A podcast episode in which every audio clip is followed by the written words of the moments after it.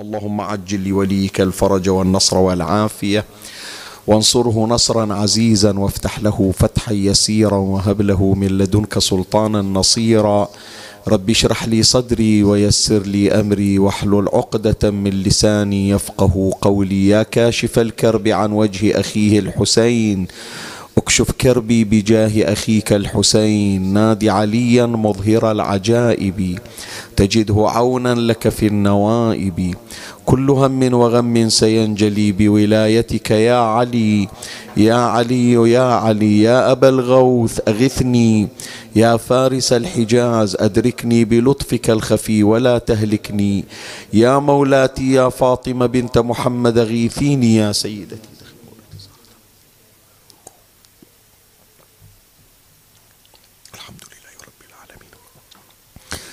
صلى الله عليك يا سيدي ويا مولاي يا رسول الله. صلى الله عليك وعلى آلك الطاهرين. فاز من اعتصم بكم. وأمن من لجأ إليكم. يا باب الرحمة ونجاة الأمة يا ليتنا كنا معكم سادتي. فنفوز فوزا عظيما. جاء في دعاء الندبة الشريف. بسم الله الرحمن الرحيم. اللهم صل على محمد وآل محمد وعجل فرجهم. إلى أن انتهيت بالأمر إلى حبيبك ونجيبك محمد. صلى الله عليه وآله. صلى الله عليه وآله فكان كما التجبت سيد من خلقت وصفوة من اصطفيت. وأفضل من اجتبيته وأكرم من اعتمدته قدمته على أنبيائك وبعثته إلى الثقلين من عبادك وأوطأته مشارقك ومغاربك.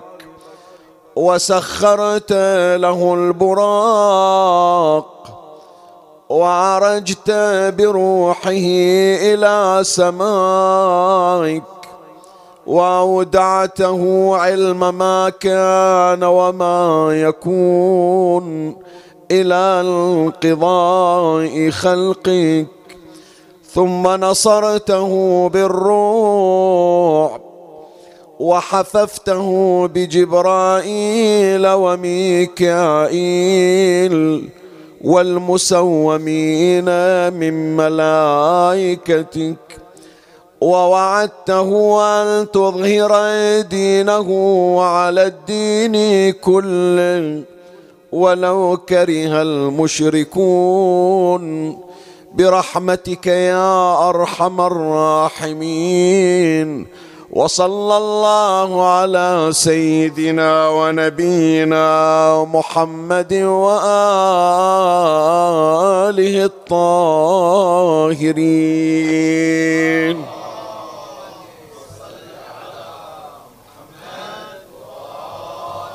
اللهم صل على محمد وآل محمد وعجل فرجهم.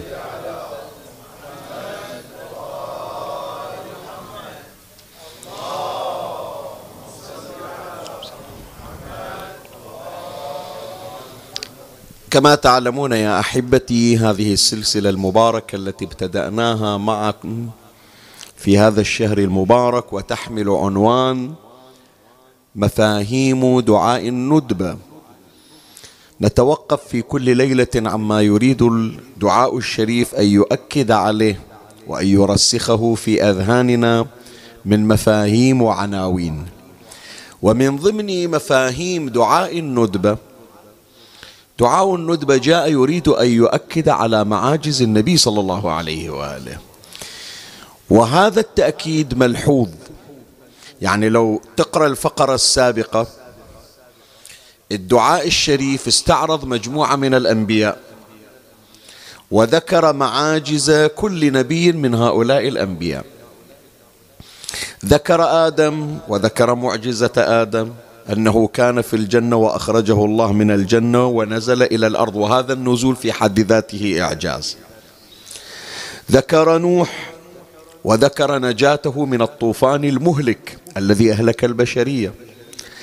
ذكر إبراهيم ونجاته من النار. ذكر موسى وتكليمه من الشجرة. ذكر عيسى وأنه ولد من غير أب. ثم ذكر نبينا محمد صلى الله عليه وآله.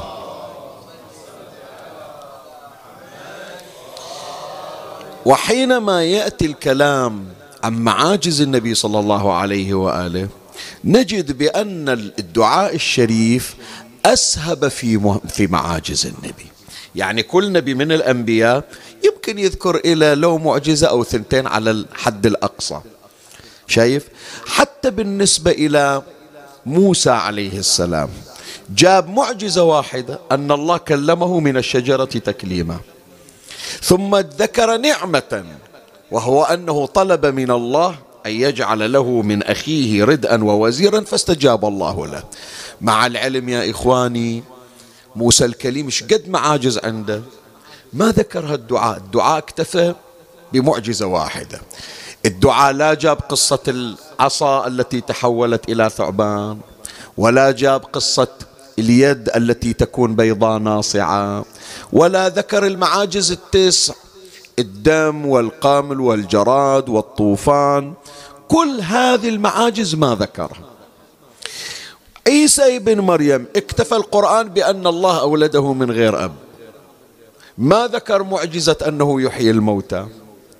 ما ذكر أنه يمسك طينا فيجعله على صورة طائر وينفخ فيه فيكون طيرا بإذنه. كل هذا ما تعرض اليه ما ذكر أنه يشفي المرضى. معجزة واحدة.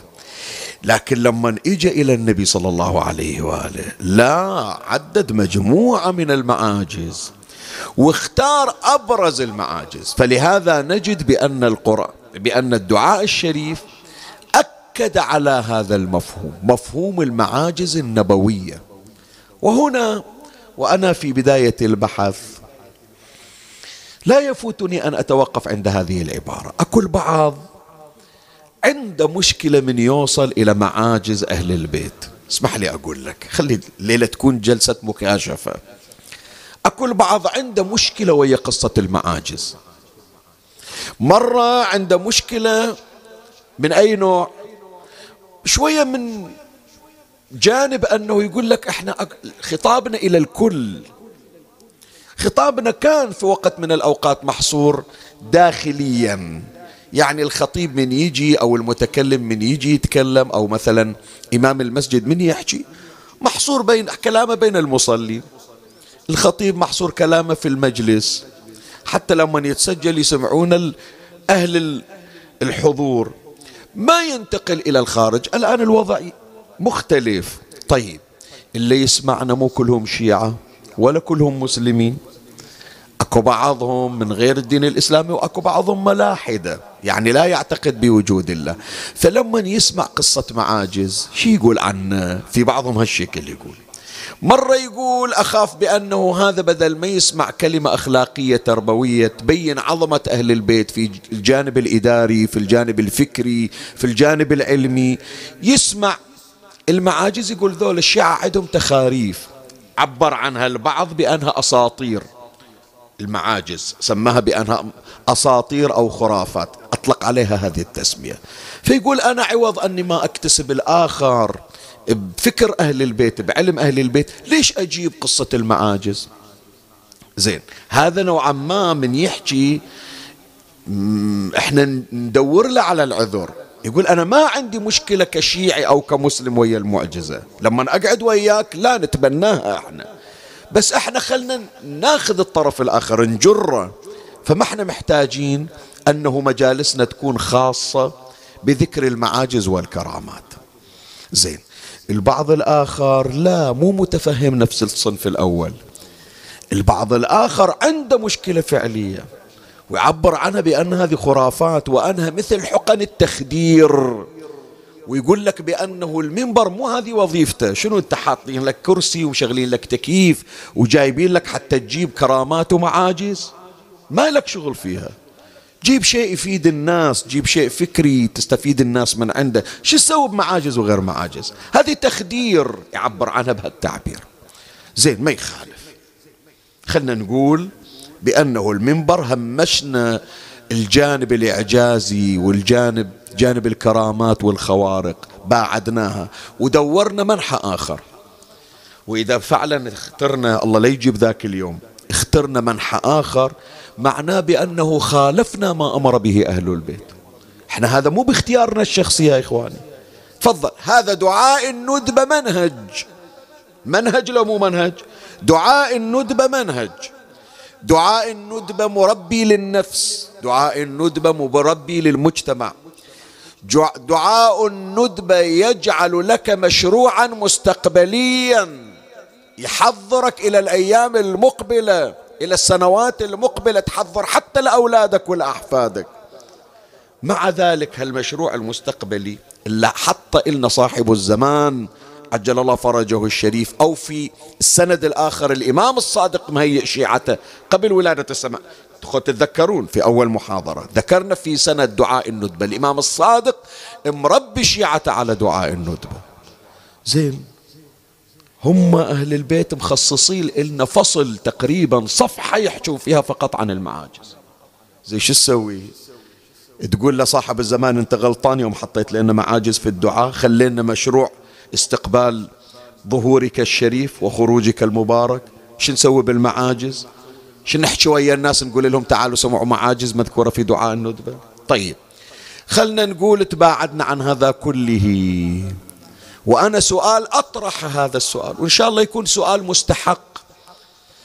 هذا اللي يقول أنا ما أريد أسمع كرامات. هذا اللي يقول أنا ما أريد أسمع معاجز. هذا اللي يقول أنا عقلي ما يعرف هالحكي. هذا اللي أطلق عليها بأنها تخاريف وأساطير أو حقن تخدير. من يجي يزور أمير المؤمنين؟ سلام الله عليه. افتح الزيارة الليلة. شوي خلي عندك مطالعة. إحنا كل ليلة نسوي واجب. واجب بسيط يعني ولائي ومعرفي. افتح زيارات أمير المؤمنين. سلام الله عليه شوف زيارة أمير المؤمنين في مناسبة المبعث. شوف زيارة أمير المؤمنين في يوم الغدير. الزيارة الواردة عن أهل البيت. اللي حطها إلنا أهل البيت. سلام الله عليهم. إلا كان الإمام زين العابدين والإمام الصادق من يجون يزورون جدهم يذكرونه. تجي تشوف مجموعة من معاجز علي. كما أنت راضي؟ السلام على مكلم الجمجمة في الفلوات. السلام على مكلم الذؤبان. السلام على من ردت له الشمس. دام أنت راضي بوحدة وثنتين ترى هي هذه مجموعة معاجز. وثقوها أهل البيت. سلام الله عليه يعني. ومن هنا يا إخواني لما ناخذ إحنا الجوانب العامة من أهل البيت اسمعني لما ناخذ الجوانب العامة من أهل البيت ترى ماكو امتياز إلك أنت كشيعي. تلبالك بس أنت تحكي عن علي بن أبي طالب؟ لا والله خاف أقول لك ترى هذا اللي, أجيبه الآن مو من بنات أفكاري لا. فعلا بعض الكتاب وبعض المفكرين يقولون لما نجي نقرأ فيما كتب في حق علي عليه السلام فكريا واداريا نشوف غير الشيعة كتبوا يمكن أكثر من الشيعة. مو من حيث العناوين لا. من حيث المادة الإدارية المادة الفكرية. تفضل هذا جورج جرداق مسيحي. تعال شوف إيش كاتب في علي بن أبي طالب. هذا عبد الرحمن الش... عبد الرحمن الشرقاوي. مصري سني. شوف إيش كاتب في علي إمام المتقين. هذا هذا عباس محمود العقاد. تعال اقرأ في عبقرية الإمام علي شوف إيش كاتب. بس هذول من يكتبون يشوفون علي كمفكر كإداري. الجانب الذي يربط عليا بالله الجانب المخفي اللي ما يقراه المسيحي وما يقراه اليهودي وما يقراه الملحد وما يفهمه. ما يفهم علي شلون واحد ثلاثة أيام ما ماكل شي يشيل قطعة جبل باب ويدحيها ما يفهم شنو راس مفتوح نصين. جيب جورج الرداق وجيب سليمان كتاني وجيب بول السلامة وجيب كلهم ذولا. قولوا لهم تعال غير أنتم كتبتوا في علي. تفضلوا. راس مفتوح والدماغ مقسوم نصين ويحكي. هذه فسرها إلي أنت كمسيحي. يقول لك ما عندي أنا ما أعرف هالكلام. أعرف علي قائد حرب. أعرف علي مدير. أعرف علي حاكم. أعرف علي بلاغة. أعرف علي علم. علي إعجاز بعد ما وصلت إليه أنت مهيأ إليه أنت مهيأ إلى لما قول للشمس رجعت من جانب آخر. ما أعرف هالحكي شمس ما ترجع. شنو ترجع؟ زين أنا ما أجيبها مرة وثنتين أنا أجيبها مرات وذكرناها في بحث مستقل. فإحنا يا إخواني كشيعة أهل البيت لازم نخصص إلنا جانب وهذا مو من عندنا لا هذا كما أوصانا به أهل البيت. نقوي الجانب الولائي لأنه الزمن القادم يا إخواني زمن الظهور زمن ظهور المعاجز. زمن خروج الإمام سلام الله عليه زمن ظهور المعاجز. زمن خروج الشمس من المغرب إلى المشرق. زمن سماع صيحة يسمعها كل ذي لسان بلسانه. مو كل ساعة جبرائيل مرة يجيب الصيحة بالعربي وتالي بالإنجليزي وتالي بالهندي. لا لا لا صيحة. ومن غير ترجمة. إجوا البعض حاول أنه يجيبها بالنحو التجريبي يفسرها يشوف إلها مخارج. لا عمي لما تقرأ معاجز خروج صاحب الزمان والتي هي موجودة ما تك... زي ما يخالف. كل هذا ما يخالف بررته. خروج صاحب الزمان بالسيف وبسلاح الربع وبتابوت السكينة. إيه يعني بالأسلحة المتطورة. عمي عيسى ابن مريم ينزل من السماء. هذا بشنو؟ بمكوك فضائي؟ سؤال أسأل. عيسى ابن مريم مكوك فضائي يطلع من وكالة ناسا يروح للسماء يجيبه من عند الله ويرد ينزله. رد علي أنا أريد أفتهم. تقول لي لا كذب. ماكو عيسى ابن مريم. عم الشيعة تقولها السنة تقولها المسيح يقولونها كل الأديان تقولها بأن عيسى ابن مريم سوف ينزل. هي شي تخلي لها والطيب يلي ما ترضى بالمعاجز. عيسى ابن مريم شلون ينزل؟ فأنت تبدي بشغلة حتى تجر بقية السبحة. عيسى ابن مريم يجي وراه أنصار الإمام على السحب يأتون نشوفهم. مو تقول لي في طائرة طائرة كل من يصعد الطائرة. طائرة عمي شالت المرجع الفقيه وشالت الراقصة والسكران. جمعت الكل كأنها سفينة نوح. صاعد بها نوح وصاعد بها حش السامع والمكان الحيوانات الطائرة ما بها امتياز. الامتياز أن تأتي سحابة قل أنصار قائم آل بيت محمد صلوات الله عليه أجمعين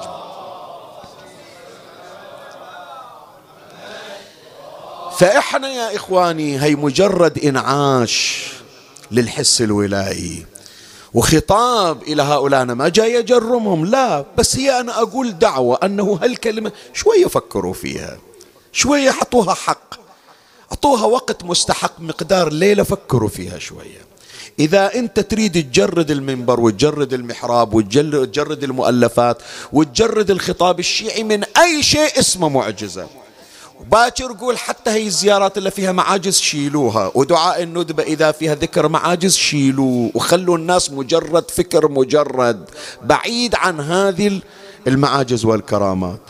طيب قبيل الظهور لما نجي عالم الإعجازات ما قبل ظهور الإمام شلون أقنع ولدي اللي أنا ما يوم سمعت قصة رد شمس وما يوم خبرت عن معراج النبي؟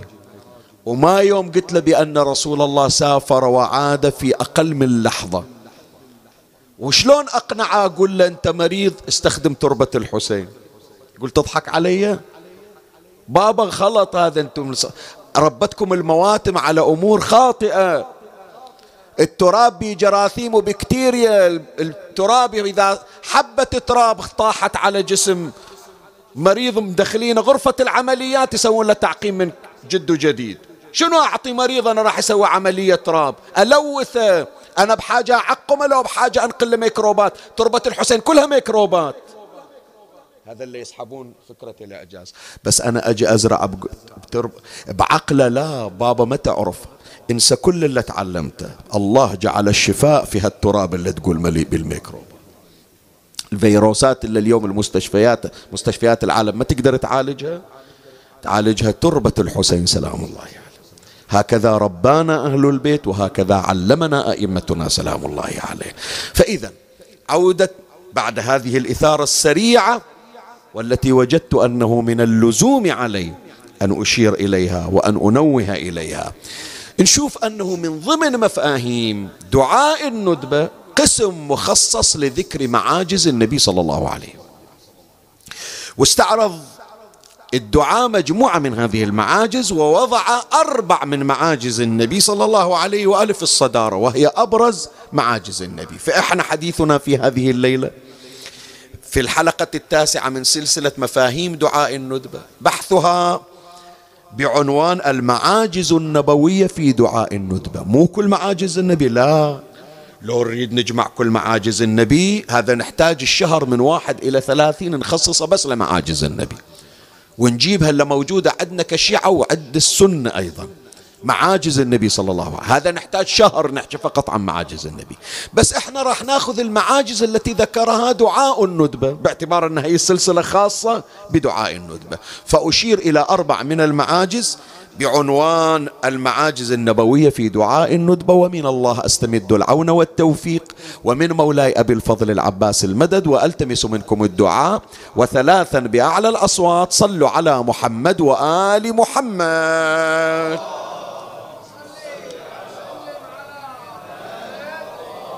اللهم صل على محمد وآل محمد. اللهم صل على محمد وآل محمد.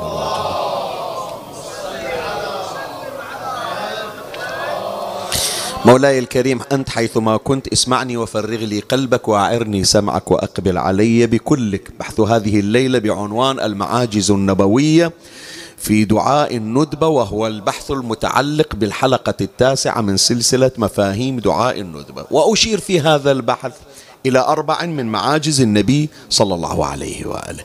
أما المعجزة الأولى يطلق عليها معجزة وطئ رجل النبي صلى الله عليه وآله مشارق الأرض ومغاربها. تقرأ في دعاء الندبة وأوطأته مشارقك ومغاربك. شي يريد يقول الدعاء يريد يقول الدعاء الشريف بأنه ليس هناك مكان وليست هناك بقعة على الكرة الأرضية إلا ووطأتها قدم نبينا محمد صلى الله عليه وآله.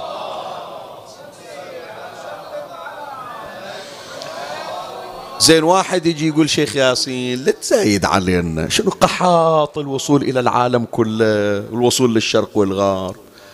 خو ذاك الوقت يمكن صعبة. الآن لا. الآن مكاتب سياحية موجودة ويقدمون لك عروض. حط فلوسك. وين ما تريد تروح نوديك. شنو شرق وغرب؟ الطائرات موجودة والرحلات موجودة ومكاتب السفر موجودة. يختارون لك وين تبغى تروح. خلي بس خلي حط فلوسك أنت ميزانية. وإحنا مستعدين انه ما نخلي بقعة في الكرة الأرضية إلا نوديك الها فهذا وين الإعجاز فيها يعني؟ كل واحد قادر على الوصول إلى المشارق والمغارب. هي ما يسمونها معجزة. مع العلم يا إخواني لو تلاحظون في دعاء الندبة أن الله أو أن الإمام سلام الله عليه أول معجزة ابتدأها للنبي أن أوطأه المشارق والمغارب. وأنا أبين لك القصة مو قصة الوصول. انت لبالك يعني إذا قلنا بأنه النبي مثلا وصل إلى أستراليا. صعب الوصول لأستراليا اليوم كل واحد يقدر يروح. الشرق والغرب كل واحد يقدر يروح إليه بس شنو ميزة معجزة النبي؟ الآن أبين لك. أول تميز وأول مظهر من إعجاز وصول النبي إلى المشارق والمغارب أنه قطع الكرة الأرضية. مو مرور على بلد لا. أنا لما أروح إلى المملكة المتحدة بريطانيا ما أقدر أدور عليها كلها. رايح إلى بلد اثنين ثلاثة. بقية البلدان ما شايفينها.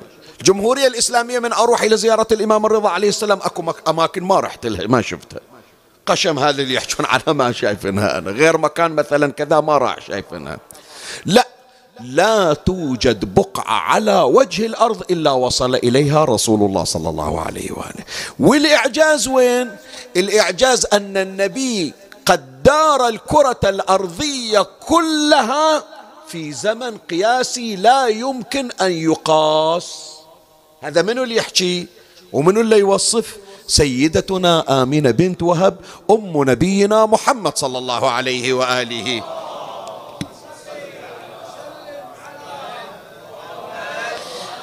الرواية في بحار الأنوار الجزء 15 صفحة 326 هي أم النبي تنقل.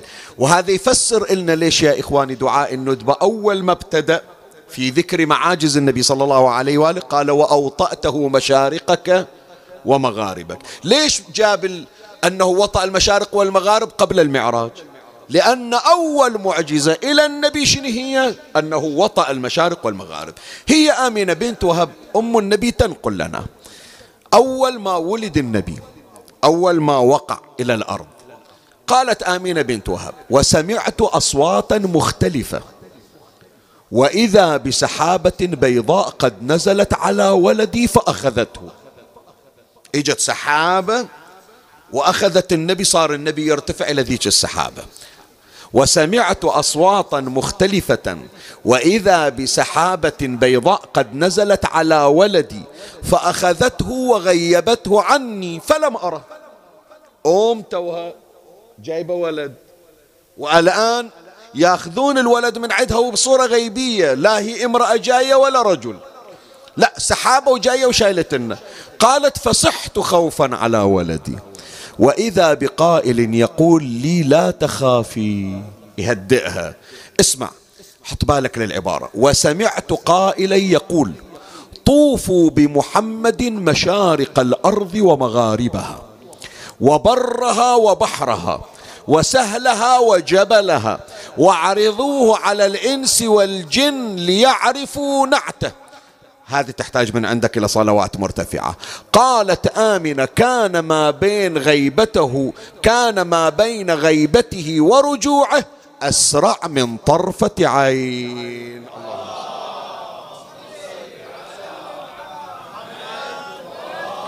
يعني الكرة الأرضية كلها لفها النبي لف ما خلى بقعة اللي وصل إلها في أقل من طرفة العين. ترى هذا يا جماعة يمكن ما أنا شخصيا ما ذاكرنا على المنبر يمكن هذه المرة الأولى اللي أذكره. ترى هذا أول إسراء إلى النبي. هذا خروج إسراء لو مو إسراء يا جماعة. قصة الإسراء النبي طلع من مكة إلى وين؟ سبحان الذي أسرى بعبده ليلا من المسجد الحرام إلى وين؟ إلى المسجد الأقصى ورجع في نفس الليلة. وفي نفس الوقت كلها مسافة مسافة إلى فلسطين من مكة إلى فلسطين. هذه الكرة الأرضية كلها دارها النبي. في أول ليلة في أول ساعة في أول وقت نزل فيه من بطن أمه إلى الكرة الأرضية. فهذا الإسراء الأول الواقع. بس إحنا ما نسميه إسراء. هي معجزة على أي حال أن النبي صلى الله عليه وآله قطع مسافة الكرة الأرضية ولم يبقي بقعة في المشارق والمغارب إلا وطأتها قدمه الشريف. قدمه الشريف وصلها في مدة قياسية عبرت عنها آمنة بنت وهب بأنها أسرع من طرفة عين. يعني خلاص توقف الزمن من أجل نبينا محمد صلى الله عليه وآله.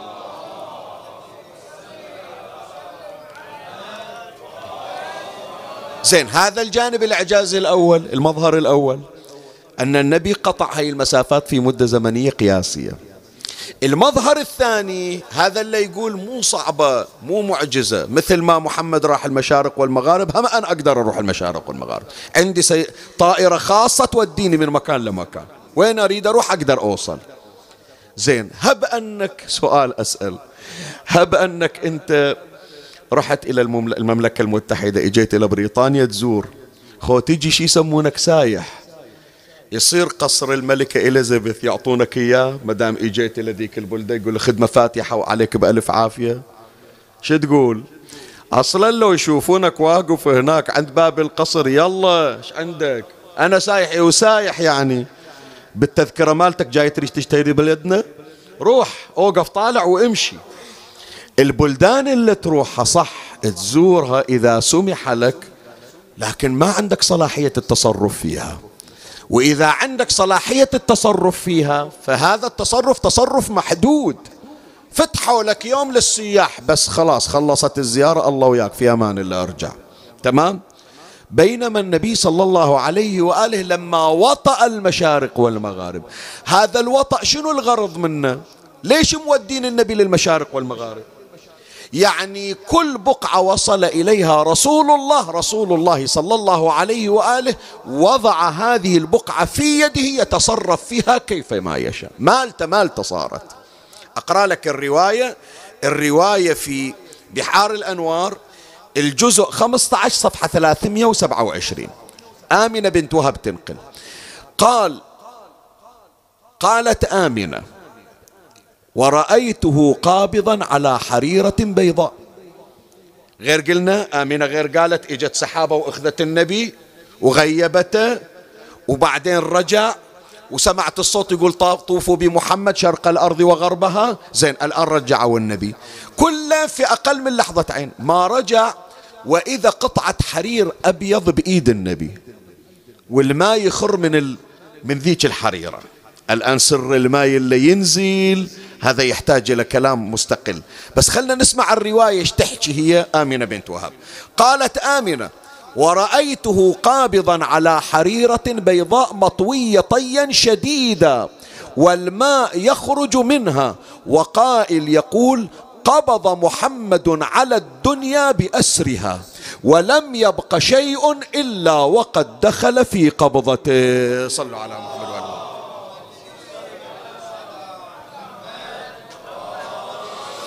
شنو يعني كل شيء في الدنيا يا جماعة صار في قبضة محمد؟ سؤال أسأل شنو يعني؟ شوية تأمل فيها لأن راح أستشهد لك بشاهد. شنو يعني كل شيء؟ هذا النداء اللي يقول قبض محمد على الدنيا بأسرها. شوية أعطيك ثلاث ثواني بس هالشكل صفيت تأمل. شنو يعني في قبضة النبي؟ أحسن يعني النبي في المدينة المنورة. عنده شغلة خلنا نقول بشرق آسيا عنده شغلة مثلا في القطب الجنوبي عنده شغلة مثلا في أمريكا الشمالية عنده شغلة في النرويج فوق صايرة بالجبال بإشارة واحدة يقبض النبي ما يريد من تلك البلدة. ولهذا راح أوديك إلى شغلة الآن بعيدة عن النبي أنها الصلاحية اللي عند رسول الله هي عند الأئمة. تتذكرون أنتم رايحين مسجد الكوفة صحيح لو لا؟ رزقنا الله وإياكم الوصول. أكو هناك موضع في مسجد الكوفة يسمونه بيت الطست أو بيت الطشت. من تفتح مفاتيح الجنان راح تشوف أعمال مسجد الكوفة وذكر بيت الطشت وأنه يستحب أن تصلي فيه أربع ركعات في ذلك الموضع. وقصة ذكرناها إحنا أكثر من مرة. قصة البنت اللي جابوها وقد ظهر عليها أثر حام وكل ما كشفن عليها القابلات يشوفنها باكر. يعني ما بها حمل لكن بطنها مرتفع. وحطون النساء اياديهن على بطن الفتاة يشوفون حركة موجودة. فأمير المؤمنين راح يكشف السر. أكو روايتين عندنا واحدة من الروايات أن النبي صلى الله عليه العفو أمير المؤمنين سلام الله عليه احتاج إلى ثلج. هذه هم أيضا من تروحون إذا أحبائنا الآن بالكوفة بمسجد الكوفة يتابعونا وهم الله يذكرهم بالخير وما ناسينا من الدعاء. من أذكر الآن القضية يتذكرون هاي القضية يذكرونها للزوار. ويروونها العلماء احتاج أمير المؤمنين إلى ثلج. قالوا له أبا الحسن من وين نجيب لك فل شنو؟ مجمدات عندنا فرايزر عندنا من وين نجيب لك؟ الثلج واحد وقف قال الثلج ما موجود. إلا في الشام في دمشق. أكو هناك جبل. اللي رايحين شايفينه يسمونه جبل الشيخ. جبل الشيخ ليش سموه جبل الشيخ؟ لأنه طيلة أيام السنة صيف وشتاء الثلج ما يذوب من عنده. فأبيض دائما مثل هذا الشيب اللي دائما لحيته بيضة مثل حج عيسى زين. سموه جبل الشيخ. واحد قال إلى أمير المؤمنين قال أنا من رحت إلى الشام شفت جبل هناك وهذا الجبل الثلج لا يفارقه. بس أبو حسين الآن على ما نروح الشام ونجيب ثلج ونحمله ونجي حتى لو جبنا لك ثلج بيدوب علينا يموع في الطريق. تبسم أمير المؤمنين سلام الله عليه مد يده جهة الشام وإذا بالثلج في يد علي بن أبي طالب سلام الله عليه.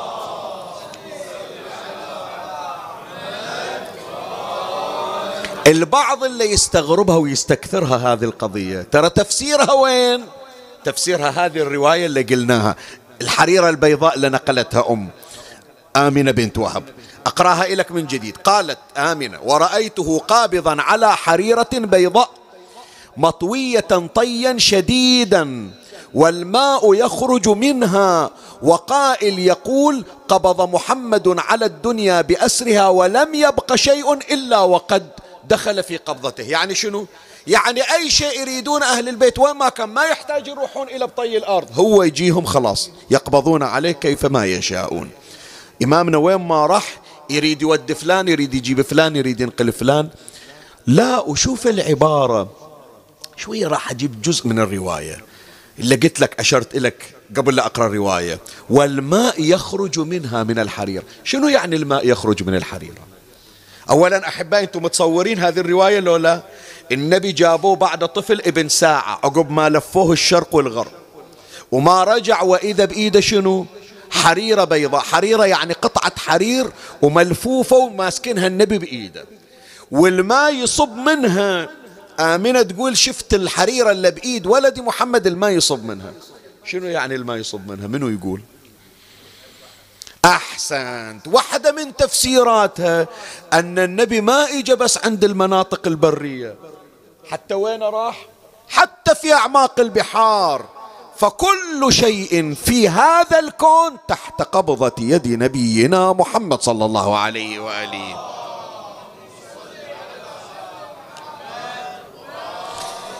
فهذا المظهر الثاني من مظهر هذه المعجزة معجزة وطء المشارق والمغارب.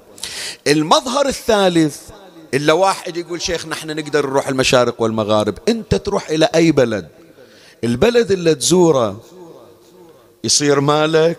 سؤال أسأل. أنت رحت عمي استأجرت بفندق suite أخذت suite ملكي قعدت فيه جناح ملكي. صار مالك هذا تتملكه أنت؟ لو لا أجروك إياه يومين ثلاثة وبعدين الله وياك. أصلا لو ينكسر بي شيء تعال سلم فلوسه. تمام لو مو تمام؟ بينما رسول الله صلى الله عليه وآله كل مكان وطأته قدمه الشريفة صار من أملاكه ملك النبي صلى الله عليه وآله.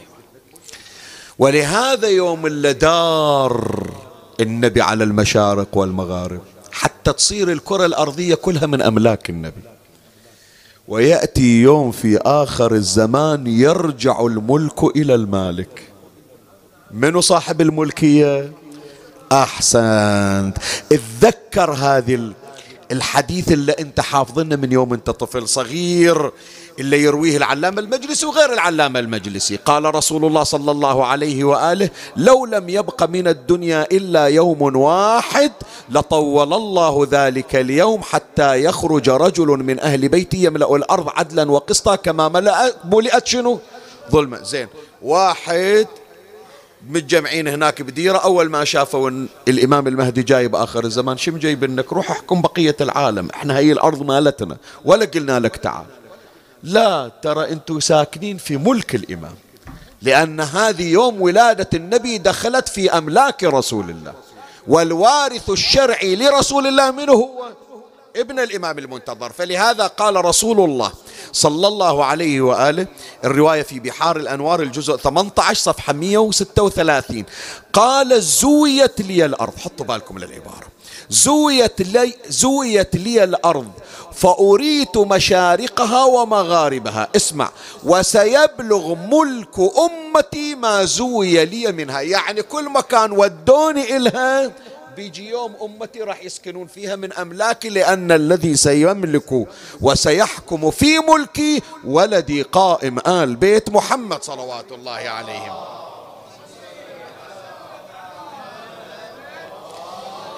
زين هذه المعجزة الأولى من معاجز النبي صلى الله عليه وآله أن قدمه الشريفة وطأت المشارق والمغارب.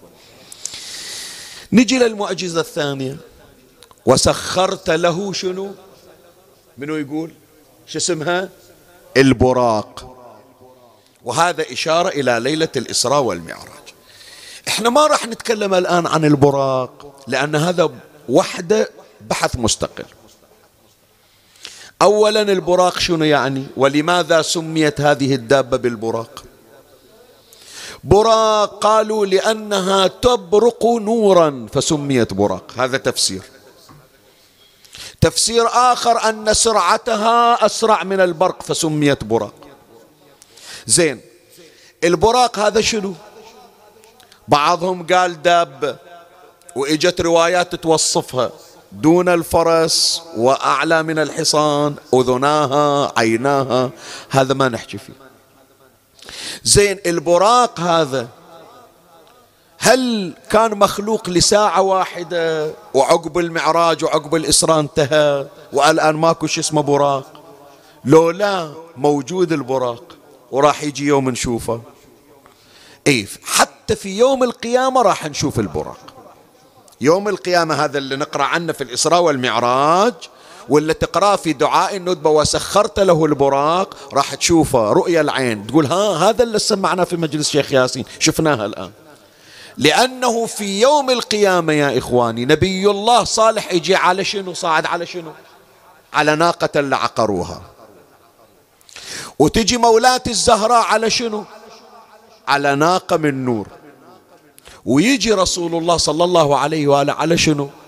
هذا البراق اللي صعد عليه في الإسراء والمعراج واللي نقرأ إحنا في ليلة المبعث واللي نقرأ كل أسبوع وكل عيد في دعاء الندبة وسخرت له البراق هذا راح نشوفه إن شاء الله في يوم القيامة. فلهذا هي المعاجز إحنا ليش نذكرها؟ لأنه نحضر أنفسنا لرؤيتها مستقبلا. زين خلي أقرأ لك الرواية. كيف سخر الله البراق؟ ليش ما قال الدعاء؟ وأصعدته البراق وأركبته البراق. قال وسخر له البراق. دعاء السفر تذكرون سبحان الذي سخر لنا هذا وما كنا له. شوف سبحان الله تصعد. بسم الله عليكم يدفع عنكم الشر. الطائرة يهددونك بها يقول لك بها مطبات راح يمر عليك في الرحلة مطبات. وخاف أنه الطائرة يمكن الكابتن يقول بأنه هذه الطائرة راح توقع المعطل المحرك تعطل. سر الله تبارك وتعالى يسخر لك كل شيء. يسخر لك الحديد والهواء لحمايتك. سبحان الذي سخر لنا هذا. البراق ما يقبل أحد يصعد عليه. الأنبياء يقولون خاطرنا نصعد عليه ما يقبل. الملائكة من نور يتمنون يصعدون عليه ما يرضى. ما يقبل البراق. من الله خلقه ما يقبل. حتى ليلة الإسراء والمعراج ما متعود أحد يصعد عليه. لم يتشرف البراق بصعود أحد إلا بصعود نبينا محمد صلى الله عليه وآله. الرواية عن الإمام الصادق عليه السلام في بحار الأنوار الجزء 18 صفحة 319 قال جاء جبرائيل وميكائيل وإسرافيل بالبراق. الله شوف التشريف إلى النبي شلون.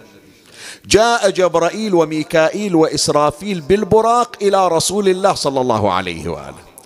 فأخذ واحد باللجام وواحد بالركاب. واحد يريد يعطي الرسن بإيد النبي. والثاني يريد يتشرف يصعد النبي يحط رجل النبي بركاب البراق. وسوى الآخر عليه ثيابه مثل ما يقولون البحر يسمونها العدة يعدلون البراق حتى يجي النبي ويصعد. وسوى الآخر عليه ثيابه. قال فتضعضعت البراق. بعض العلماء يقولون يعني شنو تضعضعت؟ يعني تصعبت ما ترضى أحد يصعد على ظهرها. والآن جاي جبرائيل وعدل الرسن وعدل الركاب وعدل السارج. ما تقبل تريد تتحرك ما ترضى. اسمع حط بالك. فتضعضعت البراق فلطمها جبرائيل. شال جناحه لطم البراق على وجهها. فلطمها جبرائيل فقال اسكني يا براق فما ركبك فما ركبك نبي ولا يركبك بعده مثله هذا لا إبراهيم الخليل ولا أي نبي. ظهر البراق محرم على أي أحد يصعده إلا على أشرف الخلق. اسكني يا براق فما ركبك نبي ولا يركبك بعده مثله.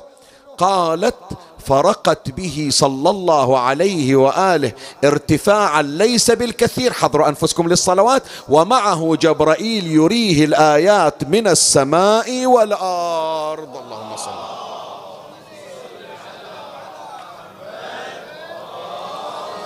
فكونها معجزة البراق لأنه مخلوق خاص لم تتح لأي أحد إلا لأشرف الخلق. هذه المعجزة الثانية وسخرت له وسخرت له البراق. المعجزة الثالثة عروج النبي صلى الله عليه وآله إلى السماء. شوف من نقرأ في دعاء الندبة وعرجت بروحه إلى وين؟ إلى سمائك. شوي عمي ما يخالف. هذه المعجزة الثالثة تحتاج من عندي دقيقتين نوقف عندها. نشوف أقوال المسلمين في عروج النبي صلى الله عليه وآله. كيف عرج أو كيف عرج برسول الله؟ عندنا يا إخواني أربعة أقوال. حطوا بالكم أحتاج شوية تكلفون على أنفسكم. تسمعون الأقوال الأربعة لأنه يهمنا. حتى من تقرأ دعاء الندبة باكر توقف عند هالعبارة لأنها عبارة جدا مهمة. أشرع في بيان الأقوال الأربعة بالصلوات على محمد وآل محمد.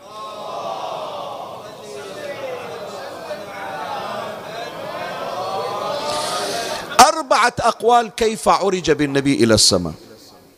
القول الأول يذهب إلى أن النبي صلى الله عليه وآله عرج به إلى السماء في منامه حط راسه على المخدة ونام وقعد من النوم قال ترى أخبركم البارحة حلمان أنا رايح السماء هذا طبعا الشيعة ما يقولون به.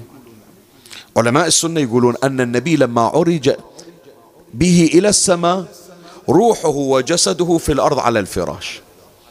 بعض زوجات النبي تقول ترى بعد نايم وياي ما تحرك من وين جايبين الحكي؟ ما فارقني. زين يريدون يعدلونها حتى يفرقون بين النوم والنوم. أن حلمة النبي مو مثل حلمة غيره. يقول لا رؤيا الأنبياء حق. إي رؤيا الأنبياء حق عندنا إحنا نآمن بإبراهيم الخليل فلما يجي يقول إني أرى في المنام أني أذبحوك نصدقه.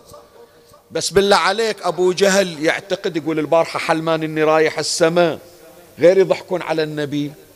فأكو قول يذهب إلى إلى أن النبي وهو من أقوال إخواننا السنة بأن النبي عرج به في النوم أو كما يقال في المنام. القول الثاني يقول لا لا لا لا النبي مو حلمان النبي مستيقظ لكن عرج بروحه دون جسده. يعني اللي يجي إلى مكة يشوف النبي نايم على الفراش. بس روح النبي طارت وراحت إلى البيت المقدس وراحت إلى السماء. أنا الآن مو في صد نقاش الأقوال لكن أريد أستعرضها وياك. إذا عندنا قول بأن النبي عرج به بشنو؟ في المنام. القول الثاني أنه عرج به روحا لا جسدا. القول الثالث غريب. يقول لا النبي عرج به بالروح والجسد. لكن جسده مو هذا اللي نشوفه تغير جسد النبي. لو يطلع بهالجسد كان الجسد احترق. اطلع برا الكرة الأرضية وتصيد أشعة الشمس يحترق. بس الله سوى جسم النبي جسم مختلف بس تخلص السفرة يرد يرجعها مثل الأول. لأن النبي لا قابلية له على النور الذي سيلقى. هذا قول ثالث. إحنا نقول لا يا إخواني. رسول الله صلى الله عليه وآله عرج به بالروح والجسد وكان مستيقظا لا نائما.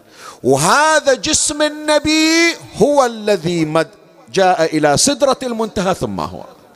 لا الله غير جسم النبي ولا روح النبي دون جسده. ليش؟ لخصائص جسم نبينا محمد صلى الله عليه وآله.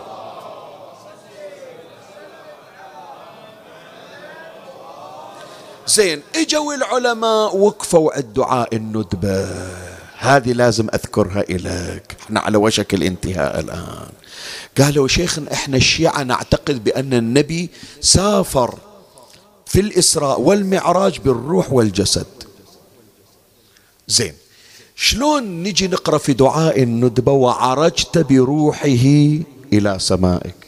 معناها بأن دعاء الندبة يقول بأن جسد النبي بقي في مكة. تمام لولا لا مو صحيح هذا الكلام.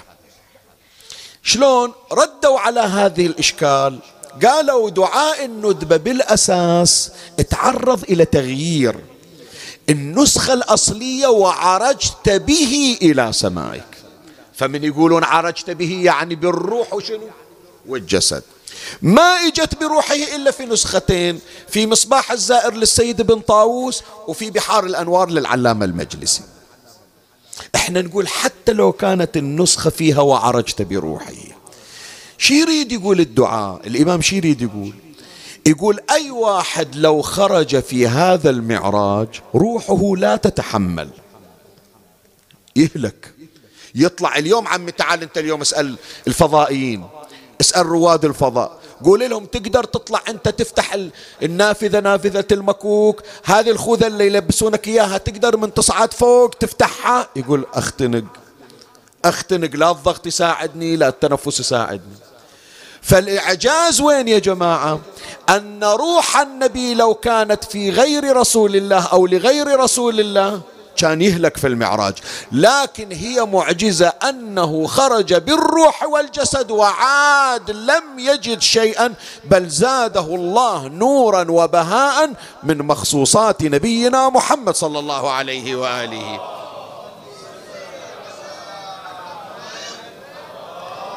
فالمعجزة الثالثة معجزة عروج النبي إلى السماء المعجزة الرابعة. شوف شي يقول باكر دعاء الندبة وأودعته علم ما كان وما يكون إلى انقضاء خلقه وهو إخبار النبي بالمغيبات. وهذا بحث وحدة مستقل. إحنا راح نجيب نموذج واحد. بس النبي ترى قعد ويا ويا المسلمين وقام يحكي وياهم. ويخبرهم عما سيجري وما جرى. سريعا بس أجيب لك إثارة ليس إلا. يوم من الأيام المسلمون صبحوا وإذا مسجد من المساجد جايين المنافقين وهادمين. صارت هوسة عند المسلمين. بيت الله هدموا بيت الله. الناس كلها ضجت. النبي صلى الله عليه وآله قال لهم شوفوا. الآن صح هي ألم أنه مسجد وبيت الله وانهدم. لكن المسجد اللي انهدم اليوم إحنا نبنيه المصيبة مو الآن. قالوا شنو المصيبة؟ قال كيف بكم إذا هدم مسجد براثة منو يعرف مسجد براثة وين صاير؟ منو يقول لي؟ أحسنت في بغداد في منطقة الكرخ. ذاك الوقت يا إخواني الإسلام بعد ما واصل العراق. وذاك الوقت ما موجود شيء اسمه مسجد براثة مسجد براثة كان في الأساس صومعة راهب يوم اجى أمير المؤمنين سلام الله عليه يعني ورا موت النبي صلى الله عليه وآله ب 25 سنة. أمير المؤمنين طالع إلى معركة صفين ومر على براثه صومعة. وطلع أمير المؤمنين. حجر كانت مريم بنت عمران غسلت عيسى عليه ونبعت عين ماء لأمير المؤمنين وردت الشمس لعلي بن أبي طالب. سلام الله عليه.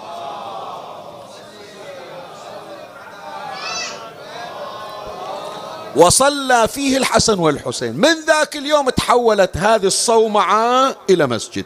بزمن النبي ماكو مسجد اسمه براثة بس النبي خبر عن مسجد براثة وقال لهم الآن هذا المسجد اللي هدموه بالمدينة هذا اليوم نبني. فالمصيبة مو في هدمة المسجد عندنا.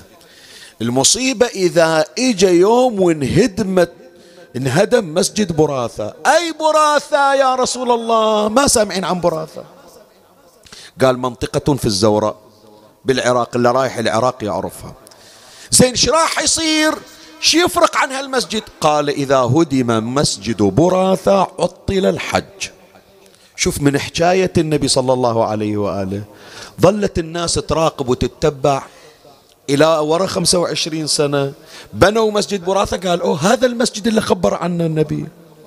زين شلون يتعطل الحج مرت على حادثة كلام النبي صلى الله عليه وآله 319 سنة. تحسب إيش قد؟ 319 سنة. ورا 319 سنة إجوا جماعة هدموا مسجد براثة كانت خلافات مذهبية هدموا مسجد براثة بذيك السنة طلع واحد يسمونه أبو طاهر القرمطي وقطع طريق الحج وهدم الكعبة المشرفة. اتذكروا كلام النبي قالوا أوه ترى من ذيك السنة قبل 319 سنة النبي قايل إذا هدم مسجد براثة عطل الحج. بنفس السنة 319 للهجرة. هذه من مغيبات النبي صلى الله عليه وآله. وأودعته علم ما كان وما يكون إلى انقضاء خلقه. ومن المغيبات التي أخبر عنها النبي أخبر بما بتفاصيل ما يجري على ولده الحسين. سلام الله يعلم. خلي أقرأ لك الرواية وهي مسك الختام هالمقدار كافي. الرواية في بحار الأنوار الجزء 44 صفحة 293 علم المجلسي يذكر قال روي أنه لما أخبر النبي صلى الله عليه وآله ابنته فاطمة بقتل ولدها الحسين وما يجري عليه من المحن بكت فاطمة بكاء شديدا. وقالت يا أبتي متى يكون ذلك؟ قريب يعني وإحنا حاضرين. متى يكون ذلك؟ قال في زمان خال مني ومنك ومن علي. يعني لا أنا موجود ولا أنت موجودة ولا أبوها موجود. فاشتد بكاؤها. وقالت يا أبتي فمن يبكي عليه؟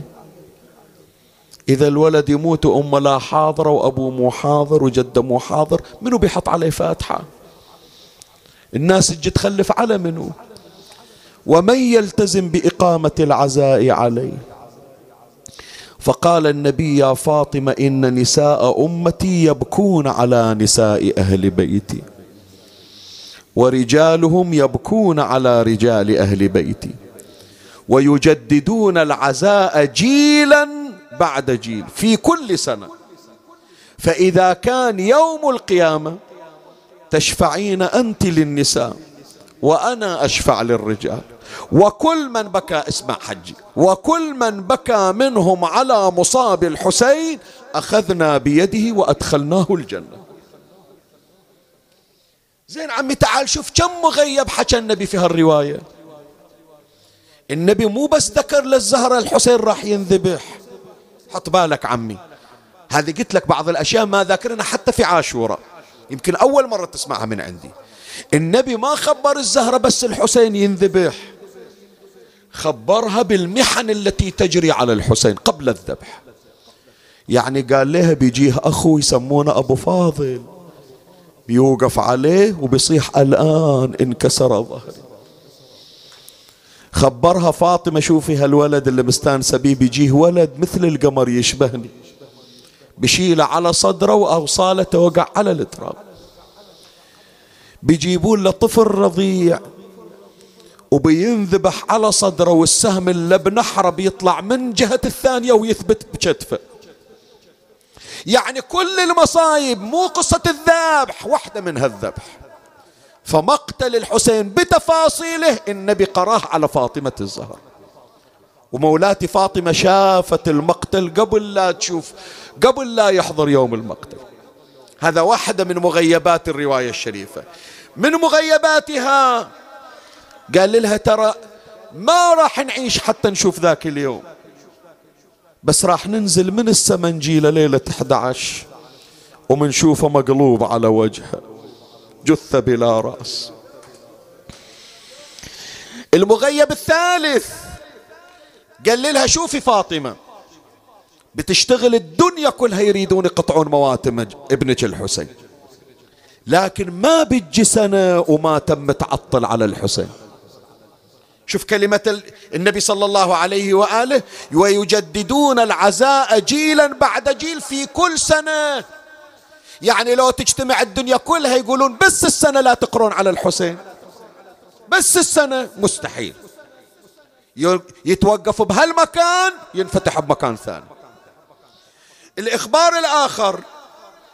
قال لها النبي بأنه كل سنة راح يتغير العزاء. ما ينقص. عمي فقدنا عزة وأحبة. الله إن شاء الله يخلي أحبتكم والغالين عليكم. ويخليكم لمن تحبون ويبقي لكم من تحبون.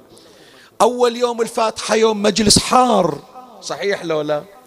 يوم كسار الفاتحة تبرد الجمرة. ورا شهر يسوون إلى تأبين يسوون له أربعينية. الناس تجي تحضر كأنما مجلس عادي. دور السنة يمكن ينسون حتى تاريخ الوفاة. تبرد الجمرة. شو تقولون؟ بردت جمرة الحسين؟ لا والله ما بردت. هذول أولادنا الصغار يوقعون يشيلونهم مغمى عليهم. هذا متى عاش حرقة الحسين؟ هذا إخبار النبي الغيبي. قال جمرة الحسين ما تبرد ولا تنطفي. حتى لو واحد قال نريد الشاعر مالنا اللي قبل مئة سنة ما نقرأ غيره. النبي يقول لك لا. يجددون عليه العزاء. الشعر يتجدد الأطوار تتجدد الخطباء يتجددون رواديد يتجددون. الحسين متجدد والزمن يتجدد بالحسين. هذا غيب الحسين. هذا غيب النبي الذي أخبر به عن الحسين. المغيب الآخر اللي أخبر به النبي. قال لها فاطمة خاف تقولين الفاتحة راح يخلونها بس للزلم بس للرجاجيل. النسوان ما راح تطلع. يجي زمن خوف ويمكن الحرمة تقول شي طلعني.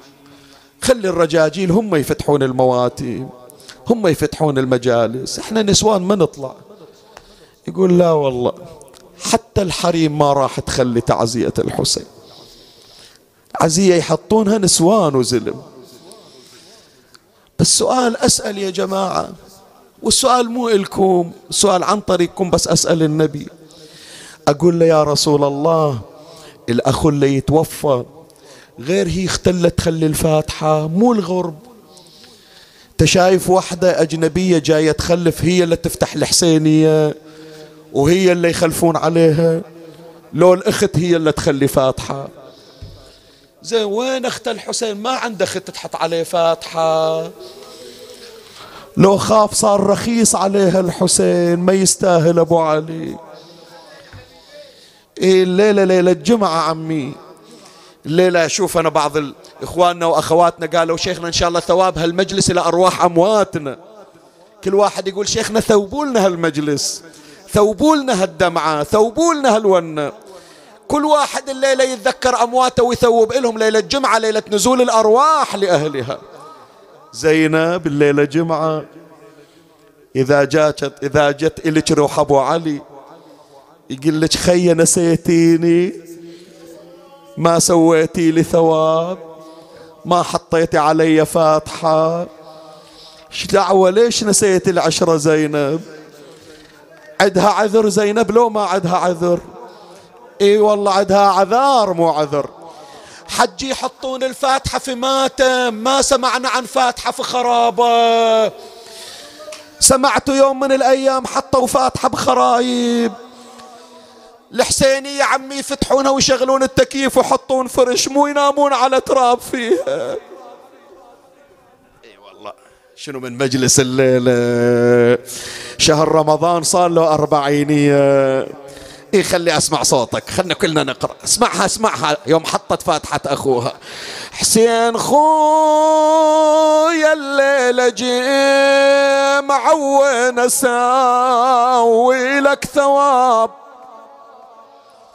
وإحنا في وسط الخراب وقاعدين على التراب. هلا بيك هلا هلا. هني هلون هذه. اقرأ وياي وجاوبني. حسين خويا الليلة جيم وين اساوي لك ثواب وإحنا في وسط الخراب لا سقوف لا فيها باب ويلي حسين خويا الليلة جمعة تنزل المغرب الروح. أدري تتأذى علي لو شفت أختك تنوح.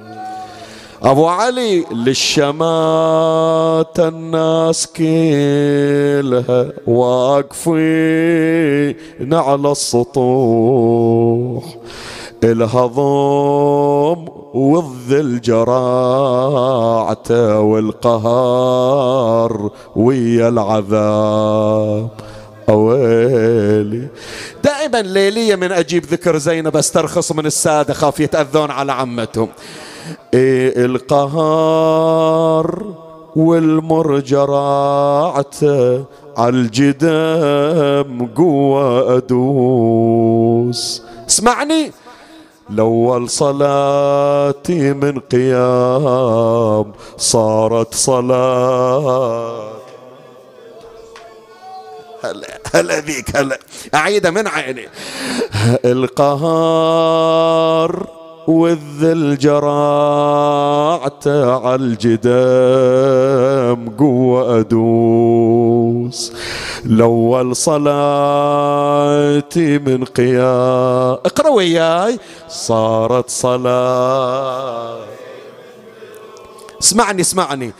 ذاب لحم من الضروب وشاب راس من الشموس القهار والمرجرة عتبها قاعدين على التراب.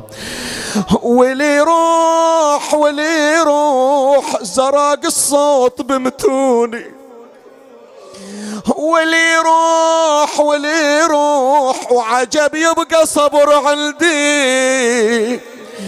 ولي روح يا سادة عمتكم تقول يا أبو علي علي الجاي يتفرج. ولي يروح ولي يروح تقبل هند تتفرج علي.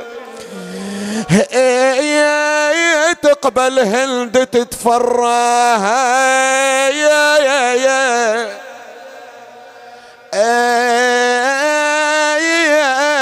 اجعل إذا البيت قاسي صم أذنك لا تسمع حتى لا تسكتني. أنت زينب ليش غيرت الزمان؟ هواية بعيوني أحس متغيرة إلها الكثر يم الحزن متروسة شيب الصار بيك أبدا فلا صار بمرة. تقلها يا هند اللي شفته مو قليل. الشفتي؟